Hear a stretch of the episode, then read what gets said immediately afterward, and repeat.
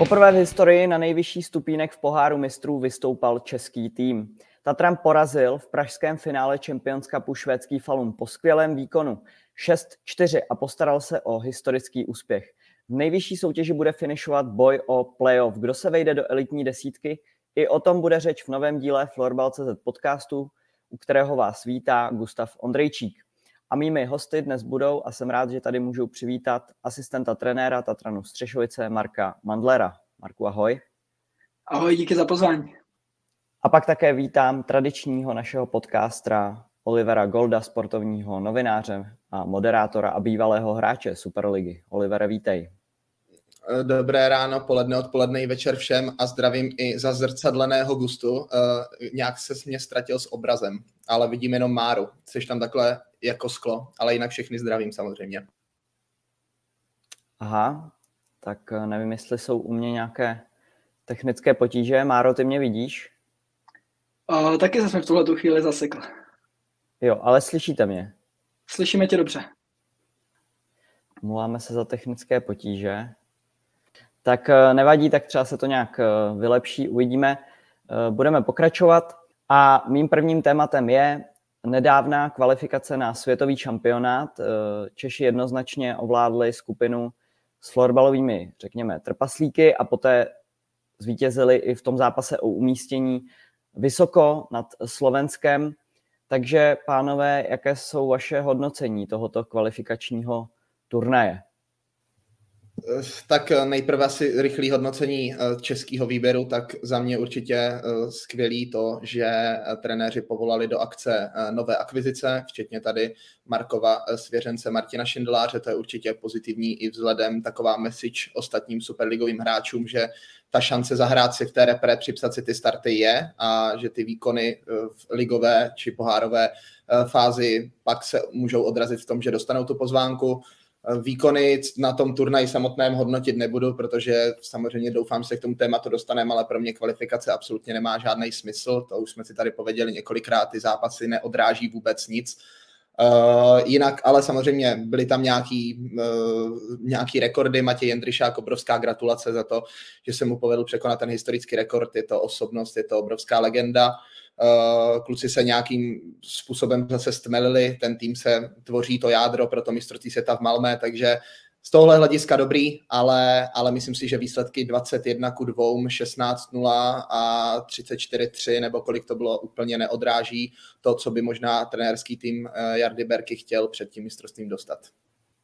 Já navážu na Olivera. Já souhlasím v první řadě s tím, že uh, je super, že Jarda Berka se svým realizačním týmem trochu obměnili tu novinaci, že i vzhledem právě k těm soupeřům, o, kterým, o kterých Oliver mluvil, tak, uh, tak dostali příležitost i kluci, kteří třeba v tom uh, týmu od začátku nefigurovali. Takže z tohohle pohledu myslím, že super možnost ukázat nějaký nový jména, ještě rozšířit třeba ten výběr, se kterým se pracuje. Pak, co se týče té tý samotné kvalifikace, tady asi si myslím, že jsou na to jako takový dva pohledy.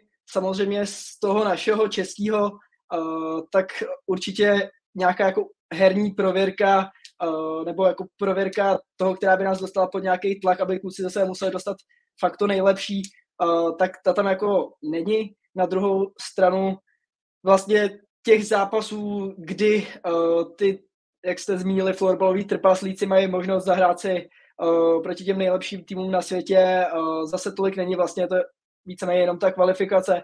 Určitě uh, by se asi dalo popřemýšlet ještě nad tím modelem, ale uh, takhle jednou za, za ten dlouhý čas, tak aby, si, uh, aby tam tahle nějaká konfrontace byla, tak sice třeba nedá tolik nám, tomu českému týmu, ale věřím, že zase pro ty týmy určitě, četl jsem spoustu komentářů, taky, že je to pro ně k ničemu, když dostanou 21 gólů nebo 20 gólů a odejdou s prázdnou. Určitě na jednu stranu, jo, na druhou stranu nejenom, že se na to podívají někde uh, na videu, ale můžou si prostě zkusit i proti těm, s těm hráčům si zahrát, jsou to třeba nějaké jejich vzory, může to namotivovat k nějaké další práci, takže tadyhle aspoň nějaký třeba efekt v tomhle tom vidím.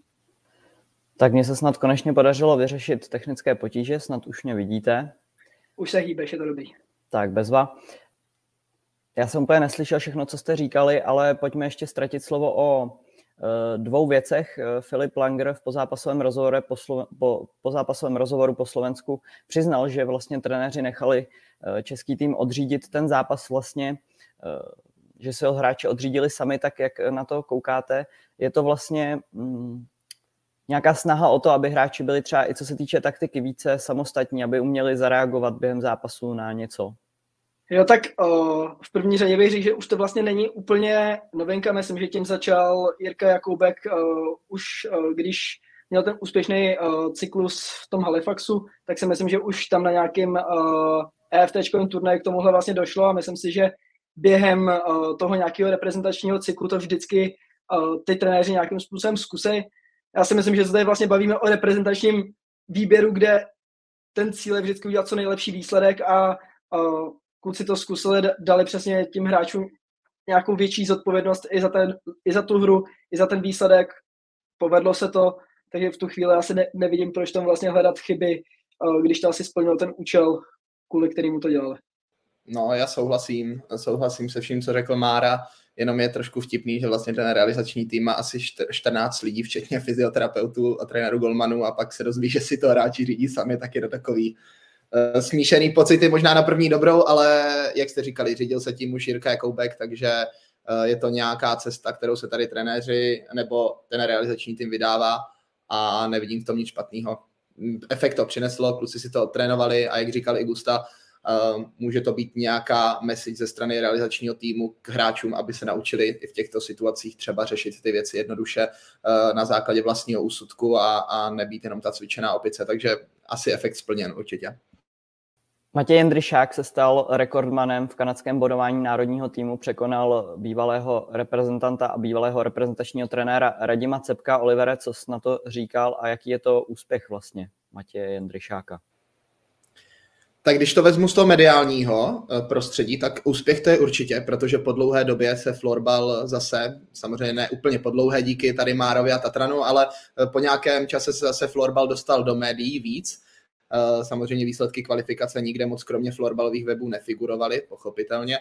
Nicméně úspěch Matěje Jendryšáka se nebo rezonoval obecně celým sportovním prostředím na mediální sféře, což je určitě dobře. A myslím, že Matěj je jeden z těch mála lidí ve florbalovém, domácím florbalovém prostředí, kteří mají ten přesah, ať už to byl Milan Friedrich, Milan Garčar, ti samozřejmě díky plešaté hlavě, ale, ale i samozřejmě těmi úspěchy, který, který, který dosáhli. Takže jo, Matěj Jindršák je pojem, je to obrovská osobnost, důkaz toho, v jakým věku a po jakých zkušenostech dál sbírá ty body jeden za druhým, je neuvěřitelně platný i v Linköpingu, kde v podstatě už jsme se o tom bavili s Tomem Rambouskem minulým díle, že, že prostě Matěj budí nadále respekt i mezi tou absolutní florbalovou elitou a takových lidí tady, tady nikdy v historii nebylo tolik, takže určitě je to vzácný postavení a ten kluk jede dál. Já si myslím, že má místo pro další mistrovství světa, má ho tam. Otázka je, jak s tím trenéři budou nakládat ale myslím si, že kdyby Matěj Jindryšák udělal reprezentaci, eh, respektive místo na další mistrovství světa, a najdou se mu kvalitní křídla, najde se mu kvalitní formace, tak já tam Matěje vidím a to, co teďka dokázal, tak je jenom důkaz toho, že pořád eh, je obrovsky platným, nejen tady, ale i celkově ve florbalovém prostředí.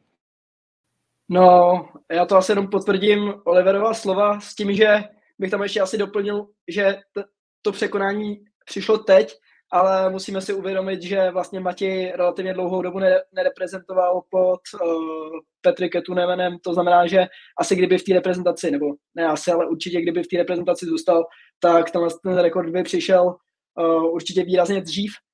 A současně bych vlastně řekl, že na Matějově úžasná jako ta konzistence, přesně jak už Oliver říkal, jako by ta výkonnost, ono my to asi nemáme tady úplně tolik na očích tu SSL, ale myslím si, že tam je ohromně jako respektovaným hráčem v Lidžepingu. Uh, myslím si, že nastupuje jako kapitán. Uh, už čet jsem, viděl jsem na Florbal magazín, že byl teďka na titulní stránce tím, že je tam vlastně jako desátou sezónu. Uh, už vlastně působí hrozně dlouho v nejlepší lize světa, dokáže se přizpůsobovat nějakým způsobem těm novým uh, trendům, být pořád produktivní a, a, a extrémně významný pro ten svůj tým. Takže za to určitě klobouček a myslím si, že jsou všichni rádi, že té reprezentaci je a, a mně se hrozně líbilo, my se, my, nebylo to na téhle akci, ale jsem na té minulý, byl nějaký zápas, kdy nehrál a bylo vlastně hrozně hezky vidět jako jak promlouvá vlastně i k těm ostatním hráčům a působí tam i v nějaký roli mentora. A myslím si, že pokud takový, takovouhle určitým způsobem pro náš sport celebritu máme, tak bychom z toho měli fakt vytěžit co nejvíc a, a myslím si, že je super, že tam ten Matěj pořád.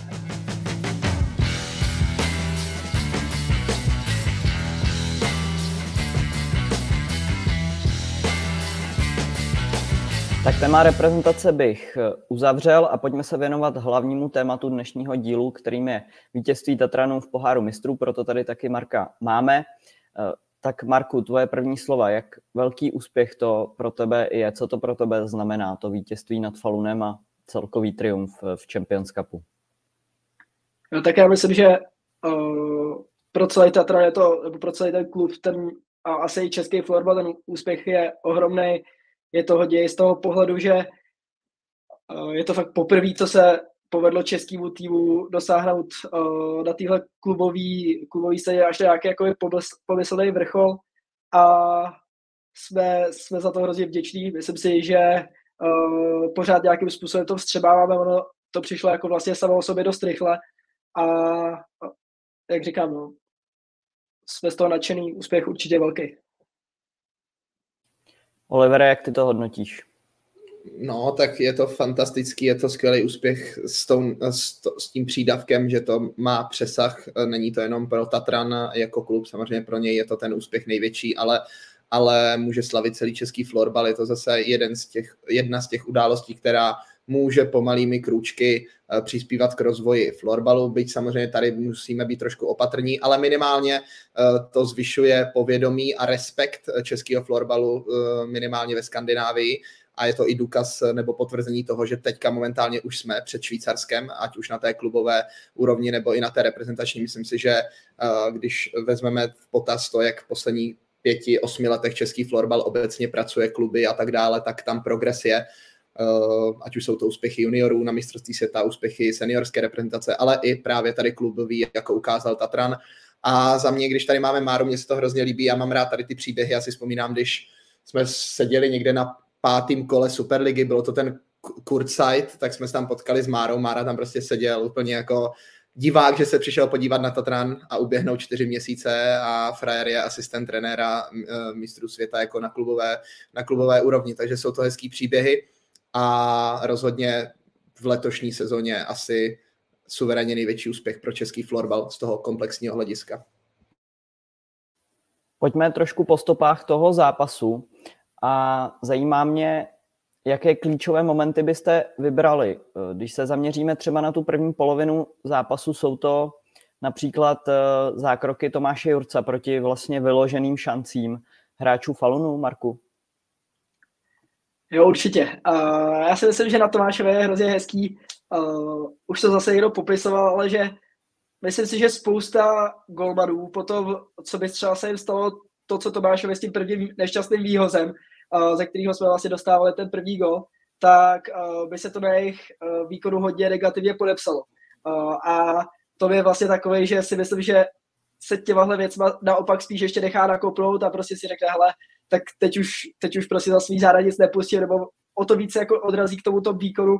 A jak říkáš, ty jeho výkony, uh, nebo ty jeho zákroky tam byly strašně důležitý, současně i v kombinaci podle mě uh, s tím nájezdem, což je podle mě jeden z těch klíčových bodů, uh, o, kterých, uh, o kterém si mluvil, kdy tam, tam se to podle mě, byl to jeden z těch zlomových momentů, tak bych to řekl. Uh, no, za mě určitě. Za mě jednak Tomáš v brance, druhá k, taky vyrovnávací gol Martina Šindeláře těsně před koncem druhé třetiny, který hodně nasměroval to utkání jiným směrem, že Falun za stavu 2-1 v podstatě na hřišti dominoval nebo měl mnohem víc šancí, takže tam to bylo zralý na třeba dva další góly Falunu a tam už by se to dotahovalo hůř. Nicméně Martinova branka to vrátila zpátky do, do oběhu pro Tatran Eh, pak samozřejmě chycený nájezd a za mě ještě klíčový moment, kromě Tomáše, samozřejmě Tomáš je klíč číslo jedna a druhá věc je absolutně nesmyslný, nesmyslný výkon první formace, hlavně útočné. Já, já jsem pak jako upřímně po zápase jsem, když jsem měl autem domů, tak jsem samozřejmě přemýšlel nad tím a snažil jsem se jako pojmenovat ten úspěch, co to pro mě jakožto florbalového fanouška znamená, ale druhá jsem furt přemýšlel nad tím, jak je možný, co ta první lajna předvádí. Já, to je něco neskutečného, jako když si člověk pustí ty góly jako to je neuvěřitelný, jako takhle přece bys nezakončil v Superlize, ale oni takhle zakončou v utkání s nejlepším týmem na světě. Jako goly do prázdné brány, kdy v podstatě tam ten jeden mě dostal úplně, kdy v podstatě, myslím, že Marek Beneš to dostal úplně před prázdnou a ještě to Tomovi Hanákovi hodil ještě víc před prázdnou a ten to úplně zametl. No, neuvěřitelný. To je pro mě výkony těchto tří lidí, to je, to je jiný svět. To je, jako kdybychom poskládali uh, Lionela Messiho, Cristiana Ronalda a někoho třetího podobně odskočeného. Prostě radost se dívat. Krásný to bylo. Gusto, ty se stal na první půlku. Uh, Oliver to zhodnotil rovnou celý, tak já bych tam ještě doplnil za sebe uh, takové dvě věci. Jedna je, co bych uh, určitě byl rád, aby tady zaznělo, tak vyhrál kredit vlastně Martinu Pánkovi, který, uh, myslím si, že s Rídou my jsme teďka v tom takový občas konzervativnější a um, možná je to ještě nějaký o to větší drive, kdy uh, šáhnul do toho střídání a dal tam Ondru Sádla uh, s Matějem Čelakovským, kdy to šlo fa- fakt čistě ním, my jsme, my jsme si tím nebyli třeba tolik jistý, nechtěli jsme do toho tolik šahat a, a, a, a paní se toho nebál, hrávnul tam do toho a myslím si, že tohle, tohle střídání bylo taky hodně, hodně zlomový. A pak uh, ještě vlastně potvrdím Oliverová slova, mně se zase třeba na, na ten mezinárodní florbal hrozně, hrozně líbil třeba ten náš první gol, který dával Matěj Habas, že ono to vypadá fakt hrozně jednoduše, ale on prostě mezi dvouma frérama přebere míček z, z druhý, uh, to, tam, to tam posílá a že ono se to nezdá, ale jsou to takové jako maličkosti, který moc hráčů vlastně jako nedokáže a oni to dokáž, dokážou kluci fakt přenést i v tomhle tom tempu na té mezinárodní úrovni a jo, souhlasím. Uh, ten výkon byl z mého pohledu taky fakt dobrý, no. Přesně tam měla i mířit moje další otázka na nasazení vlastně náhradníků. Co to Olivere svědčí o týmu Tatranu, že vlastně i 16. 17. hráč takto promluví do zápasu s Falunem, do finále Champions Cupu, protože výkon Matěje Čelakovského a, a Ondřeje Sádla, a nebavíme se jenom o té golové akce, akci, ale i o tom střídání předtím, kdy tam prostě potočili lineu nebo se dostali úplně jednoduše z toho presu, tak eh, co to vlastně vypovídá o síle Tatranu? Je to důkaz té komplexnosti toho kádru eh, a pro trenéry určitě důležitá message před, závěre, před závěrem té sezony, že se mohou opřít o kompletní kádr, jo? že to není sázka nebo že to není takové to klasické, co jsme tady viděli rituálně, když je 36. minuta náhodou prohrávám o dvě branky, tak 90% superligových týmů stáhne na dvě liny. To je taková jako tady naše uh, libovka, kterou si tady všichni rádi už od dorosteneckých kategorií nebo už vlastně od žáku děláme, což na jednu stranu je pochopitelný, ale abych to převedl na Tatran, tak tady je to důkaz toho, že opravdu Mandia s Panisem a s Frídou se mohou opřít o kohokoliv a vůbec je hustý, nebo je důkaz toho, je to, že v podstatě běží druhá třetina nebo končí druhá třetina a trenéři vůbec mají v hlavě tu myšlenku, hele, pojďme tady dát toho hráče, jsou to náhradníci, ale oni jsou z těch tréninků a z těch zápasů tak připravení a tak jsou spjatí s tou hierarchií, tak chápou svoji roli, ví, jaká je úloha v tom zápase, co teď musí těch 20 minut předvést, že ti trenéři se prostě nebojí a postaví to. Pojďme si říct, že být tam jakýkoliv jiný tým, nejspíš se jde na dvě liny, jo, jako když to vezmeme i historicky, jak se prostě ve florbale, ve florbale takhle pracuje. Tatran má k dispozici 18 hráčů, kteří jsou připraveni, samozřejmě s mírně odskočenou první formací, ale výkony ve čtvrtfinále, semifinále, zejména s Villerem mladých kluků, jako to byl Adam Kučera, Šimon Vavrušek, jsou jenom důkazem toho, jak v Tatranu dobře pracují s mladými hráči. A troufám si říct, možná mě Mandis doplní, že možná na tribuně v té chvíli sedělo dalších pět, šest šikovných juniorů, kteří, kdyby prostě hořelo, tak jsou schopní do té hierarchie zapadnout a tu roli částečně postupem času přijmout. To je jenom důkaz toho, jak každým rokem přijde jeden junior, přijde druhý junior, přichází nová, nová, nová sorta lidí a během půl roku, jak jsou s tím týmem od letní přípravy, si dokážou zvyknout, pochopí tu roli a dokážou reagovat tady na ty situace a přijmout i tady 20-minutový skok do zápasu ve finále v největším utkání. Ale kredit de trenérům. Tohle chce práci s týmem a je to jenom důkaz té práce, která v Tatranu už nějaký ten rok prostě panuje. Marku, jak ty to vnímáš a třeba je to pro vás velká zbraň, že máte takto široký kádr, že se dá spolehnout i na 16. 17. hráče a přesně jak Oliver říkal, ještě máte prostě na tribuně další uh, skvělé florbalisty. Určitě jo. Uh, souhlasím si, co Oliver říkal. Současně tam už fakt i občas člověk vybírá buď podle nějaký samozřejmě aktuální formy, ale nebo taky fakt i podle toho konkrétního soupeře, že si myslím, že ty kluci mají fakt takovou kvalitu a občas jíme jako třeba v různých aspektech té hry, někdo je samozřejmě silnější, třeba když to hodně zjednoduším směrem dozadu, někdo víc směrem dopředu a ty už pak podle toho soupeře, podle důležitosti toho zápasu třeba vybíráš, jak to skládáš i v těch uh, finálních formacích takhle, takže tam je ta výhoda velká, současně i jak vy jste mluvili hodně o té naší první léně, já si myslím, že vlastně to nejvíc, co těm klukům dává, je, že vlastně na tom tréninku fakt máme vždycky 20 super kvalitních frérů. A kdy, kdy se fakt můžeme bavit o tom, že ta první lajna patří z mého pohledu k tomu úplně nejlepšímu, co je na světě a ty kluci proti ním třikrát, čtyřikrát týdně na tréninku hrajou. A samozřejmě to tě podle mě posouvá úplně nejvíc a myslím si, že pak na základě tohle se stane to, že i proti týmu, jako je Falun, my máme vlastně 20 připravených frérů, protože oni neustále jsou v konfrontaci s klukama, který za mě jsou na podobné úrovni v tuhle chvíli. Mohl bys, Marku, trošku poodhalit, jaký jste měli třeba gameplay, prostě eh, jak jste chtěli na Falun, s čím jste na něj chtěli vyrukovat? Jo, tak uh, my jsme to relativně hodně řešili, že jsme koukali na ty uh, zápasy, kdy proti ním teďka v lize uh, uspěla jak Storvreta, tak Linköping vlastně chvíli před tím finále toho poháru mistrů. Akorát uh, ta hra jak Storvrety, tak Linköpingu se od té naší relativně hodně liší a my jsme pak stáli uh, trošku před, uh, před takovou otázkou, jako jestli zkoušet nějakým způsobem přizpůsobovat tu naší hru, anebo jestli prostě věřit uh, tomu, že ta naše hra je tak kvalitní, že i proti takhle silnému týmu máme šanci uh, s ní uspět. Uh, nakonec jsme se proto rozhodli a, a věřím, že to, no, teď už se to lehko hodnotí, že to rozhodnutí bylo samozřejmě správný, ale uh, taky, taky uh, jsme mohli dostat naloženo, bavili bychom se pak určitě hodně jinak. A pak to byly relativně detaily, uh, co se týče třeba toho uh, um, nasazování těch jednotlivých line na sebe, tak my jsme tam původně přicházeli s nějakým uh, plánem, jak by ty line měly nastupovat. Falun to vlastně uh, před tím zápasem trochu změnil, tak zase jsme řešili, jestli podle toho budeme reagovat nebo ne. Nakonec jsme nereagovali. Vlastně jediný, co jsme tam původně chtěli, aby naše nevím, jestli říkat druhá, třetí lena, prostě uh, lena, kde v tu chvíli byl uh, Jonáš Krejza s, uh, s Martinem Šindelářem, tak tu, tu jsme speciálně chtěli směřovat na tu jejich třetí lenu, kde jsme věřili, že by mohli být efektivní a úspěšný. Uh, to nám vlastně Falun nějak nerozhodil, protože i když se to paradoxně hrálo uh, v Praze, tak Falun byl vedený jako domácí, to znamená, že my jsme museli střídat podle soupeře, respektive Falun si vždycky vybíral první.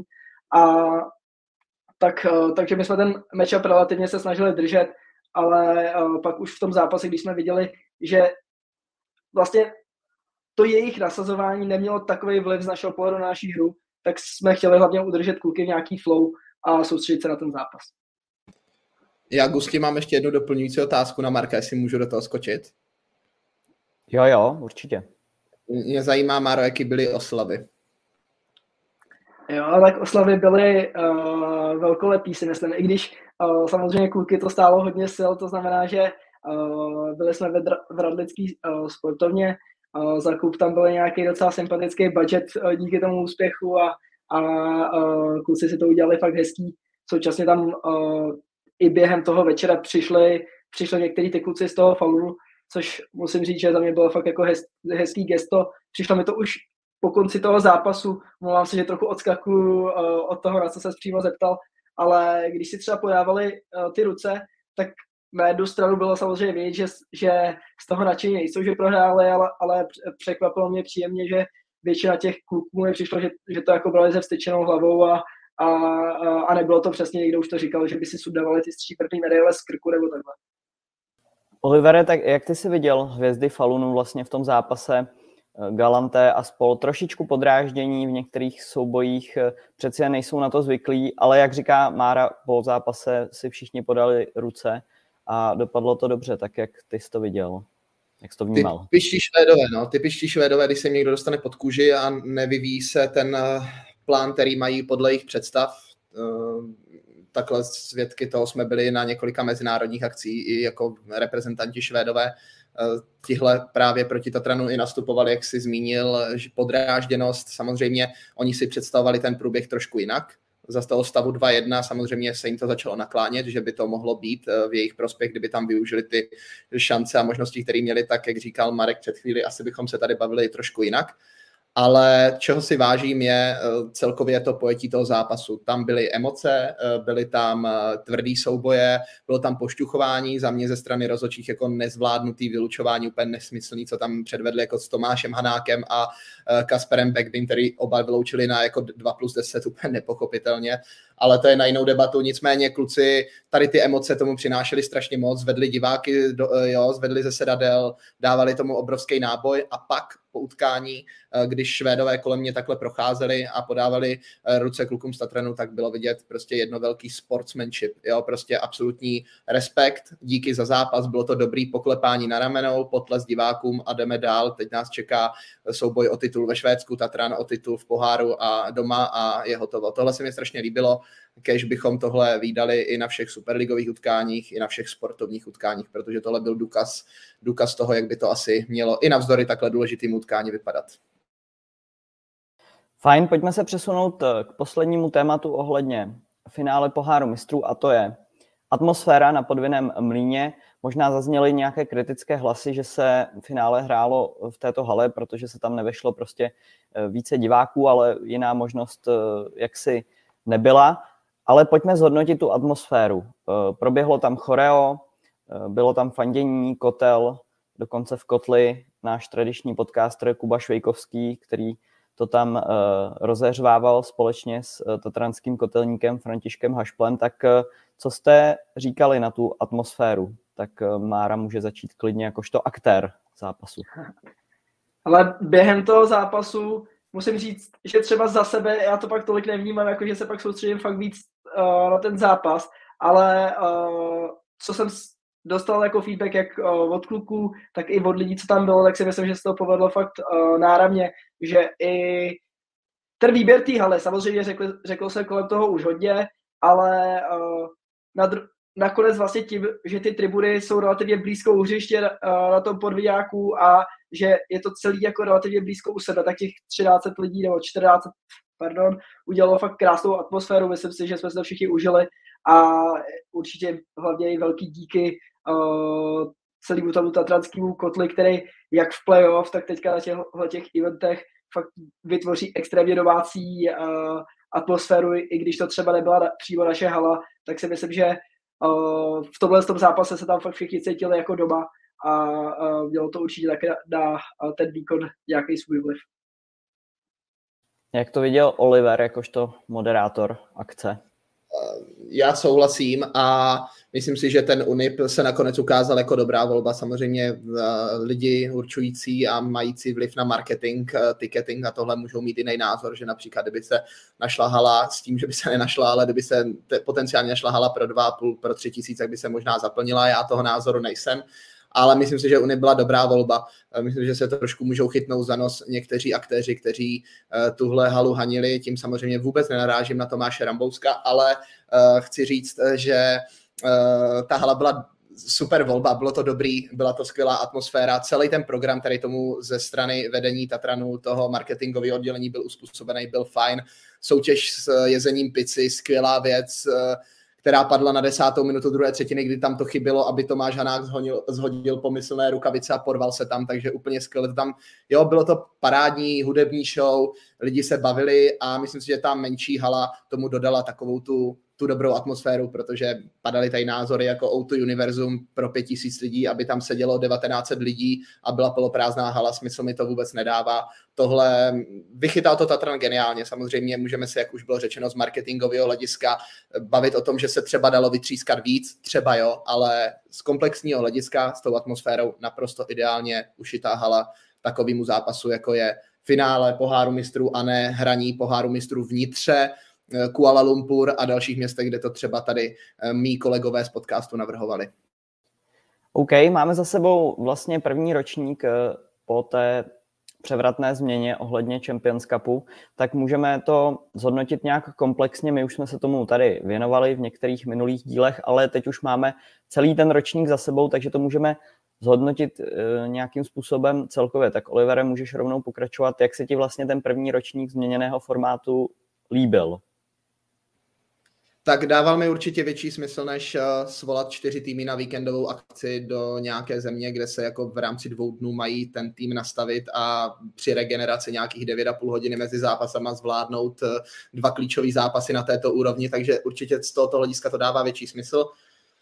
Samozřejmě asi pořád se budeme bavit o tom, že ten formát jde udělat líp. Na druhou stranu jsou tam mantinely jako finanční stránka, Eh, geo, geo, geologická, geografická stránka, takže nechci být úplně ten kritik IFF, jo, který bude říkat, že to je jako zmařený projekt, rozhodně ne, má to potenciál, už jenom to finále, ale i oběd semifinále, ať už to byly nájezdy uh, mezi Storvretou Falunem druhým utkání nebo prodloužení a golden goal Milana Meliše v tom zápase s Villarem, tak ukázali, že to ve florbalovém prostředí má potenciál tyhle zápasy. A na druhou stranu pojďme se bavit o tom, že florbal je pořád poloprofesionální sport, takže vymýšlet tady jakože varianty, že v podstatě pro český klub je pohodička sednout tady v Praze na letiště, domluvit si soukromý letoun a přiletět jako do Švédska na zápas, tam spát v pětihvězdičkovém hotelu, udělat si tam mini soustředění a tak dále. Prostě bavme se o tom, že tady o tomhle můžou uvažovat jiný sporty, jiní naši konkurenti sportovní. Takže z toho, co podle mě florbal může nabídnout, ten projekt vytřískal více-méně všechno, co se dalo. Samozřejmě mezery tam jsou, mezery tam budou, ale ne, nebudu to hodnotit úplně kriticky. Byť samozřejmě přiznám, že velkou měru, proč se teďka na to tvářím téměř pozitivně, je i ten finálový zápas, který mě natchnul. Ale souhlasím, eh, souhlasím vlastně s tím, co Oliver říkal. Asi bych dodal možná jenom z toho sportovního hlediska. Ve chvíli, kdy už postoupíte do toho semifinále, tak to eh, pro vás znamená čtyři fakt super kvalitní zápasy uh, za tu sezon. Což si myslím, že pro ty týmy z toho předku té Superligy je fakt hrozně moc, že se to jakoby nezdá. Uh, současně pro nás, jak to vnímám teďka, uh, jak to vnímá celý ten tým, tak uh, strašně vlastně skvělá sezona i z pohledu tolika těch jakoby vrcholů, který vy tam máte. Vy máte vlastně jeden vrchol někdy už prostě v, v říjnu, kdy hrajete čtvrtfinále a prostě extrémně chcete postoupit, chcete tam dát všechno. Pak máte další vrchol v rámci semifinále. Uh, OK, teďka trochu, trochu možná uh, nějaký uh, souběh víc uh, variant, i že k tomu máme finále poháru, ale že vlastně ta sezóna pak funguje tak, že vy tady máte čtyři vrcholy nebo pět, kdy sice je to samozřejmě z nějakého psychického i, i fyzického hlediska i pro ty hráče náročný, ale z toho sportovního strašně moc zkušeností v těžkých zápasech, který věřím zase, že nejsou jenom pro nás jako pro Tatra, ale i třeba z pohledu reprezentace, že to ty kluci nějakým způsobem přenesou a tyhle ty zápasy, které jsou fakt jako nejvíc. Takže z mého pohledu určitě výrazně lepší formát, než byl předtím. Souhlasím, asi nějaký úplně, úplně ideál by byla nějaká fakt skupina, uh, kde, by člověk uh, těch zápasů odjezdil víc, uh, ven ještě víc, nebo byla tam ještě větší konfrontace uh, s těmihle top celkama, ale třeba to bude nějaký postupný vývoj. Za mě určitě důležitý a dobrý, že se udělal už tenhle ten posun. Tak teď eh, vás ve zbytku sezony, jak si naznačoval, čekají ještě nějaké další vrcholy, tak pojďme se ještě pověnovat dalším cílům v tom vašem ročníku. Tak Tatran je aktuálně na druhém místě Superligy, ale má zápasy k dobru a pak je ve finále domácího poháru. Tak Máro, jak teď budete směřovat tu přípravu a jaké jsou ty vaše výhledy do budoucích týdnů? No tak teďka je samozřejmě největším vrcholem finále toho poháru, kdy zase líbí se mi, že na to český florbal, respektive nejenom český florbal a AFF nějakým způsobem zareagovala a vlastně ta prestiž té pohárové soutěže je teďka z mého pohledu úplně nesrovnatelná s tím, dokud se nehrálo o ten Champions Cup, kdy prostě teď po dlouhé době zase vidíte, že vlastně, nebo vidíme, že až do, do těch finálových bojů fakt chtějí postoupit všechny ty top celky a dělají pro to fakt maximum a ta, ta důležitost je úplně jinde. Takže samozřejmě teďka směřujeme veškerou o, tu pozornost k o, finále poháru, protože samozřejmě jak na nějaký pak asi vyjednávání s partnerama, s hráči, ve chvíli, kdy ten Champions Cup tu další sezonu máte jistou, tak je to pro ten tým hrozná výhoda a chceme pro to udělat uh, maximum. Takže tohle je teďka ten nejbližší a hlavní cíl, který nás čeká. Olivere, jak ty vidíš zbytek sezony z pohledu Tatranu? Bude cílit na historický treble? My jsme se o tom bavili s Milanem Milišem Poutkáním a on mi sám říkal, teď už by byla hloupost o tom nemluvit, jo, protože samozřejmě je to tam, někde před tím finále to tam možná vyselo, ale bylo to strašně daleko.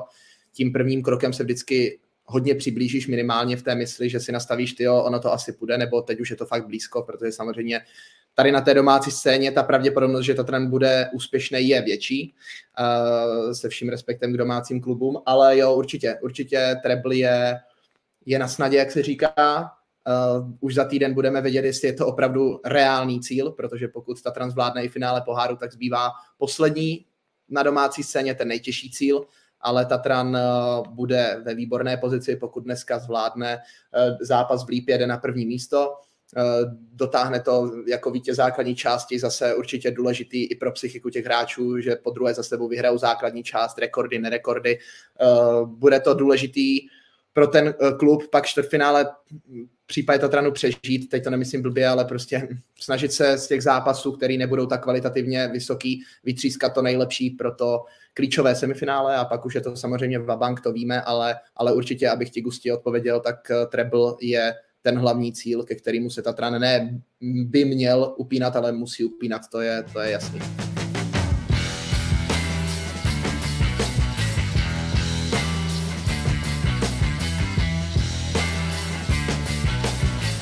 Já vám děkuji za část o Tatranu a přesuneme se ještě před eh, částí věnovanou ženskému fotbalu k poslednímu tématu a to je boj o playoff, boj o desítku, kde máme na, řekněme, dvě místa, tři adepty, Českou lípu, Vinohrady a Black Angels. Napovědět mohou už eh, zápasy, které se uskuteční teď eh, v nadcházejících dnech. Zítra školní zápas Pardubice SKV, kde se SKV může hodně přiblížit té účasti v playoff a potom o víkendu Black Angels Česká lípa, takže dokonce vzájemný souboj těchto týmů, které usilují o tu desítku.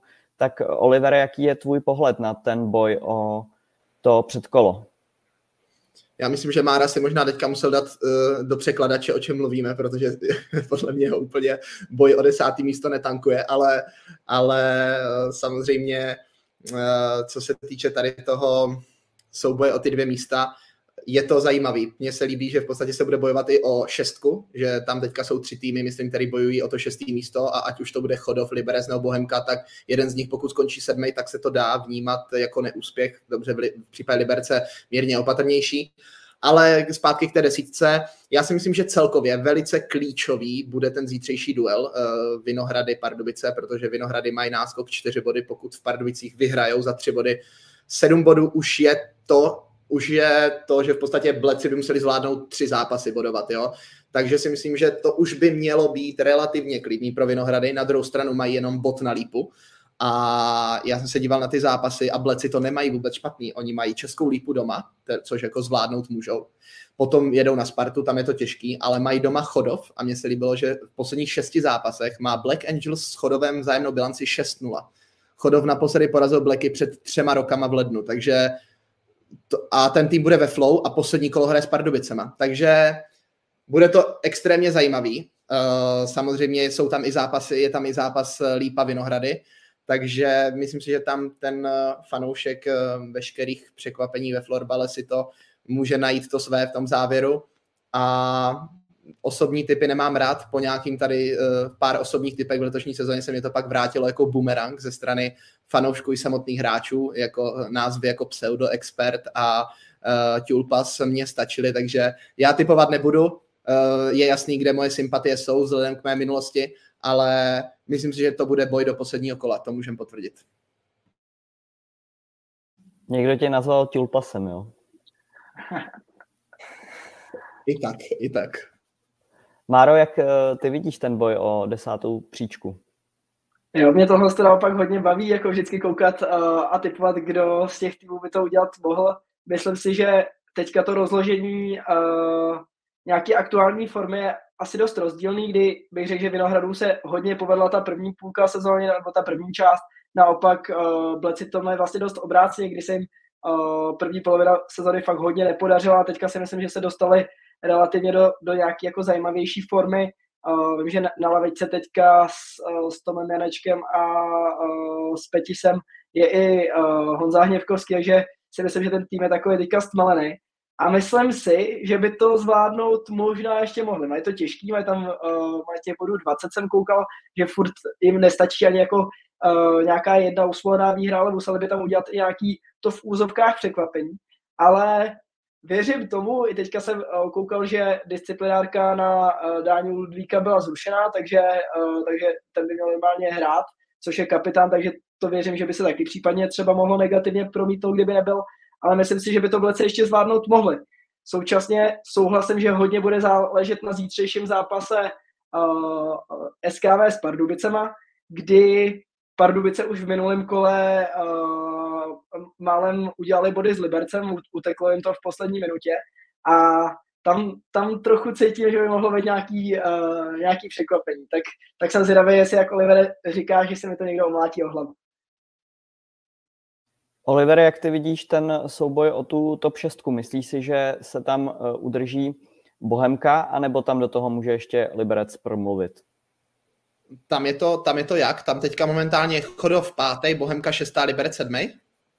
Uh, Chodov čtvrtý, Sparta pátá, uh, Bohemka šestá, 42 bodů, Liberec 40, 41 bodů. No, tak to bude boj do posledního kola, nicméně si myslím, že možná jako zkušenosti jsou teďka na straně těch papírově silnějších týmů, takže a kdybych si mohl typnout, tak si myslím, že to sedmý místo nakonec dopadne na Liberec, ale, ale i tak, tam je to v podstatě asi, ne že jedno, ale takhle, Bohemka, Liberec, Sparta i Chodov by před kolo měli zvládnout a pak asi ten sedmý tým nebude ten první, koho si bude uh, vybírat Tatran, takže, takže jo, může se to trošičku lišit, ale tak či tak si myslím, že ten sedmý tým pak uvidíme stejně ve čtvrtfinále. To byla poslední slova Olivera Golda a já děkuji Marku Mandlerovi i Oliveru Goldovi za účast v dnešním díle Florbal.cz podcastu a za vaše příspěvky do diskuze. Díky, pánové. Ještě jednou díky za pozvání. Mějte se všichni skvěle. Já také děkuji a mějte se všichni krásně přímo.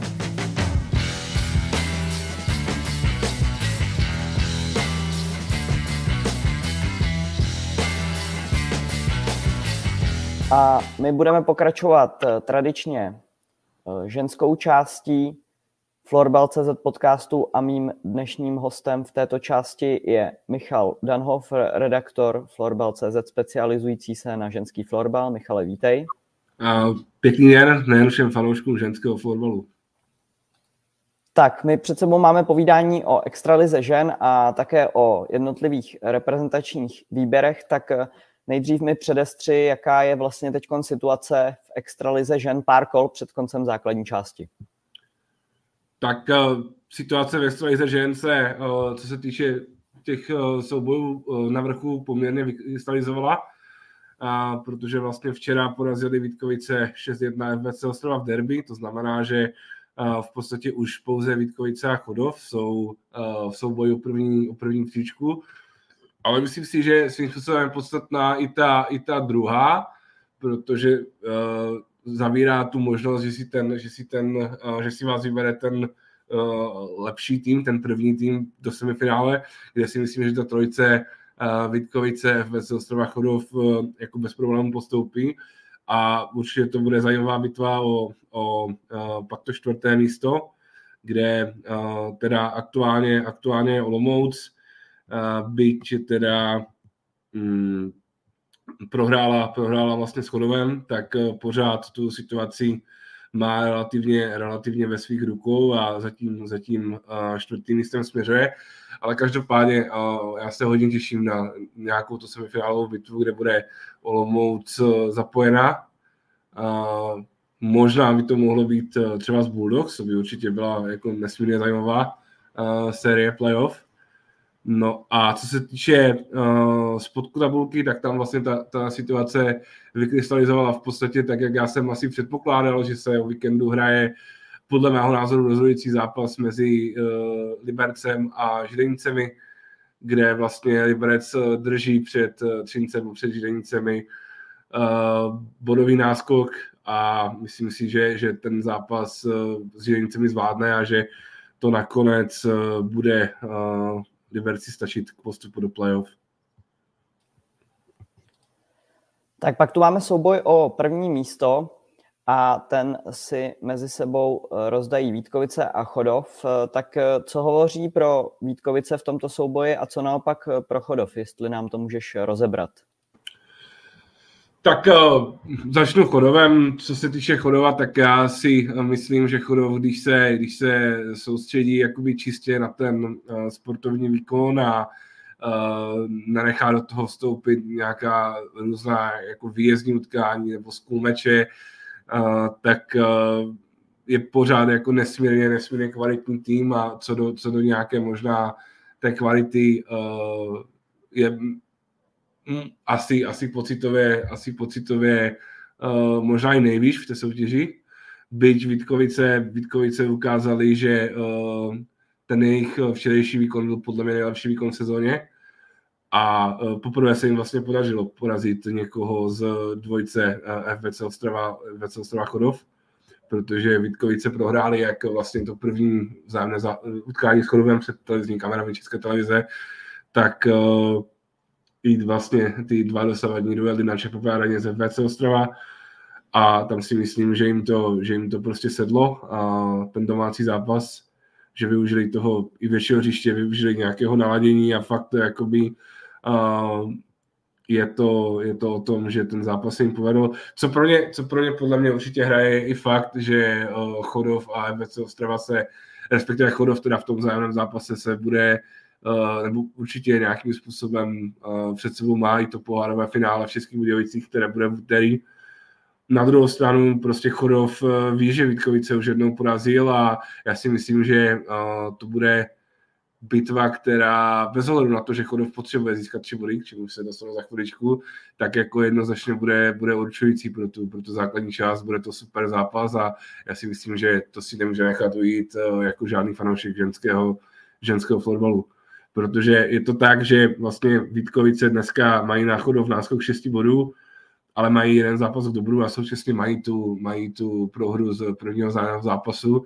To znamená, že vzhledem k tomu, že uh, Vítkovice čeká v posledním zápase doma z Nojmu, kde se asi nedá jako předpokládat, že uh, Vítkovice body ztratí, tak v podstatě ta jediná možnost pro chodov, jak teď zvítězit v základní části, je získat plný počet bodů, to znamená uh, vyhrát všechny tři zbývající zápasy, nejenom, nejenom s Vítkovicemi, ale pak tam mají ještě Bohemians a uh, Židenice a uh, tím pádem, tím pádem vlastně vychodu přes bodovou zhodu uh, na, nějakých, uh, na nějakých 52 bodech teoreticky uh, mohl 51 bodech, mohl teoreticky získat uh, ten jeden bod navíc uh, přes skrze ty, skrze ty uh, vzájemné zápasy.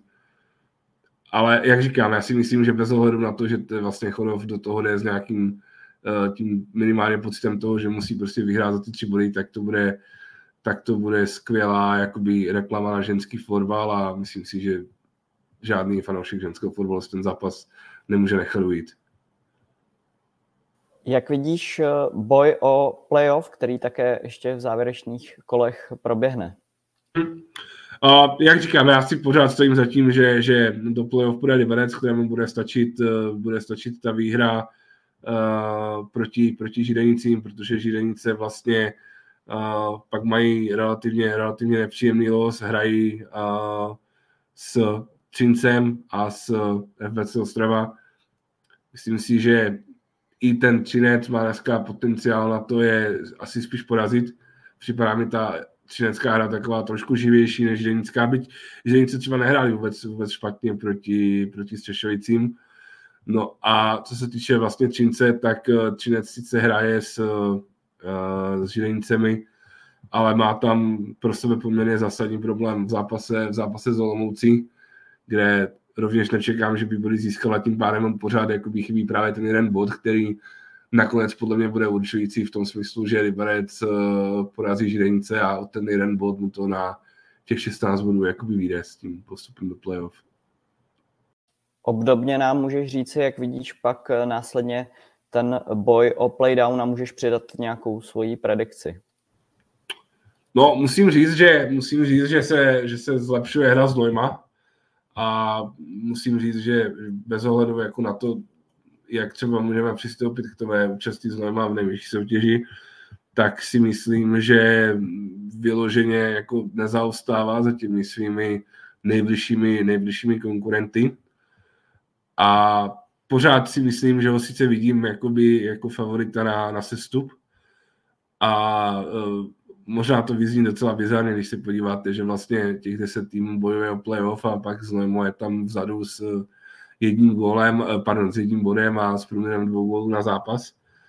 Ale myslím si, že i ty, zá, i ty výsledky s Čincem, třeba 3-5 nebo uh, relativně, relativně uh, jako nějaký, nějaký herní posun, který ten tým p, uh, prodělal, tak uh, myslím si, že paradoxně to, co hraje teď jakoby nejvíc proti Znojmu, je ten formát playdown, kdy uh, Znojmo nebude mít jakoby nějakou ucelenou sérii zápasů, ale bude, bude právě střídat oba ty soupeře. A to si myslím, že v konečném důsledku trošku uh, rozčiští ty jeho síly. To znamená za mě, uh, Třinec podle mě problémy nebude, se skončí teoreticky na tom desátém místě, jak jsou teď, a Znojmo, Znojmo je pro mě prostě adept na to, na to poslední místo pořád, ale je třeba si říct, že prostě prodělalo nějaký, nějaký herní posun, který jako je znatelný relativně. Tak, vrhneme se na reprezentaci a juniorky vyhrály na Polish Cupu a bude je teď čekat mistrovství světa v tom letním termínu, nebo řekněme jarním termínu. Tak jak hodnotíš to vítězství juniorek na Polish Cupu a můžeš přidat nějaký výhled směrem k tomu mistrovství světa? Tak určitě ten, ten zápas, nebo jakoby celé to vystoupení hodnotím pozitivně. Uh, ukázalo se, že ten, že ten tým je silný, že ten, pardon, že ten tým je silný a když se vlastně doplní do toho svého maximálního stavu, to znamená, že nastoupí hráčky jako Anna Brucháčková, Lucie Valdrajchová, uh, Barbara Fáčková, uh, jsou tam, jsou tam samozřejmě, je tam i obrana dvojce z Vítkovic, Matýsková, Kubalčíková, teďka poměrně no, nově sestavená a relativně si myslím úspěšná v rámci uh, nějak jakoby té soutěže. Tak uh, ten tým může být silný, na druhou stranu je tam, je tam třeba i remiza s Finskem, je tam hodně zajímavý, je tam hodně zajímavý výsledek Švédsko-Slovensko 5-2, to je určitě něco, co by co potěšilo na Slovensku. Uh, myslím si, že se i ukázalo, že uh, znovu ta um, juniorská reprezentace je asi nejnáchylnější na nějaké ty zajímavé, zajímavé výsledky a uh, jednoznačně to ukazuje, že uh, ten cíl, ten cíl může být, může být pro ten tým hodně vysoko a podobně jako v Katovicích si myslím, že ten tým bude chtít zautočit na finále, to poměrně logické a samozřejmě ne, asi se nedá jako teď říct, že prostě Češky jsou hlavní adeptky na, na světové zlato, ale rozhodně je to nejlepší možná pozvánka do Lachty. Neměli jsme původně ve scénáři, ale teď koukám, že samozřejmě s blížícím se finále poháru mužů se blíží i finále poháru žen, které se uskuteční ve stejný den na stejném místě, a to v úterý 13.2 od pěti hodin, kdy se utká Chodov s Ostravou, tak možná ještě úplně na závěr, jestli nám můžeš přidat nějaké preview k tomuto boji o pohárové zlato.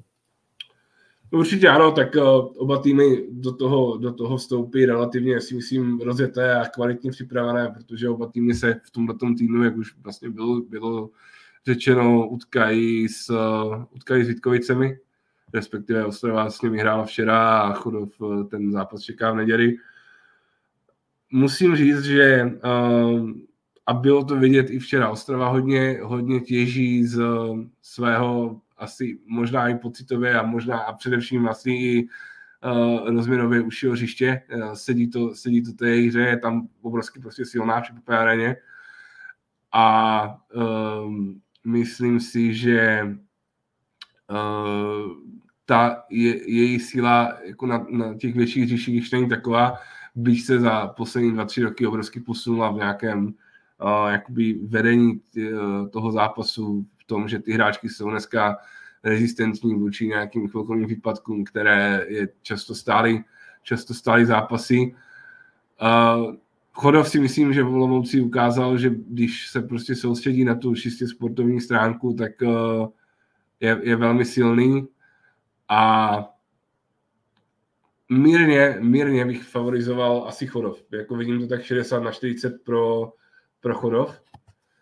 Ale na druhou stranu jsou to hráčky FBC Ostrava, které uh, vlastně vyhráli už jedno pohárové finále nad uh, Chodovem v Olomouci. No a uh, pořád si myslím, že FBC může vytěžit z té zkušenosti toho, že prostě už má ty své dvě velké, velké trofeje, má jedno vlastně superfinále, má jeden pohár, kdežto pořád pro hráčky Chodova, pro tu generaci těch, těch hráči Chodova tam to, uh, to superfinále třeba chybí. Jo? A ten finálový zápas je prostě specifický a je to, je to nenahraditelná zkušenost. Ale pořád si myslím, že to je tak 60 na 40 pro, uh, pro Chodov. Necelá hodinka povídání o florbale a hostem druhé části věnované ženskému florbalu byl Michal Danhofer. Michale, já ti moc děkuji. Taky děkuji a těším se na finálový den Českého poháru v Českých Budějovicích. Také se těším, děkuji našim posluchačům a připomenu, že všechny díly Florbal.cz najdete na našem webu, na YouTube, na Spotify, na SoundCloud a také v aplikaci Apple Podcast. Děkujeme vám za přízeň a těšíme se na nějaký další díl naslyšenou, na viděnou.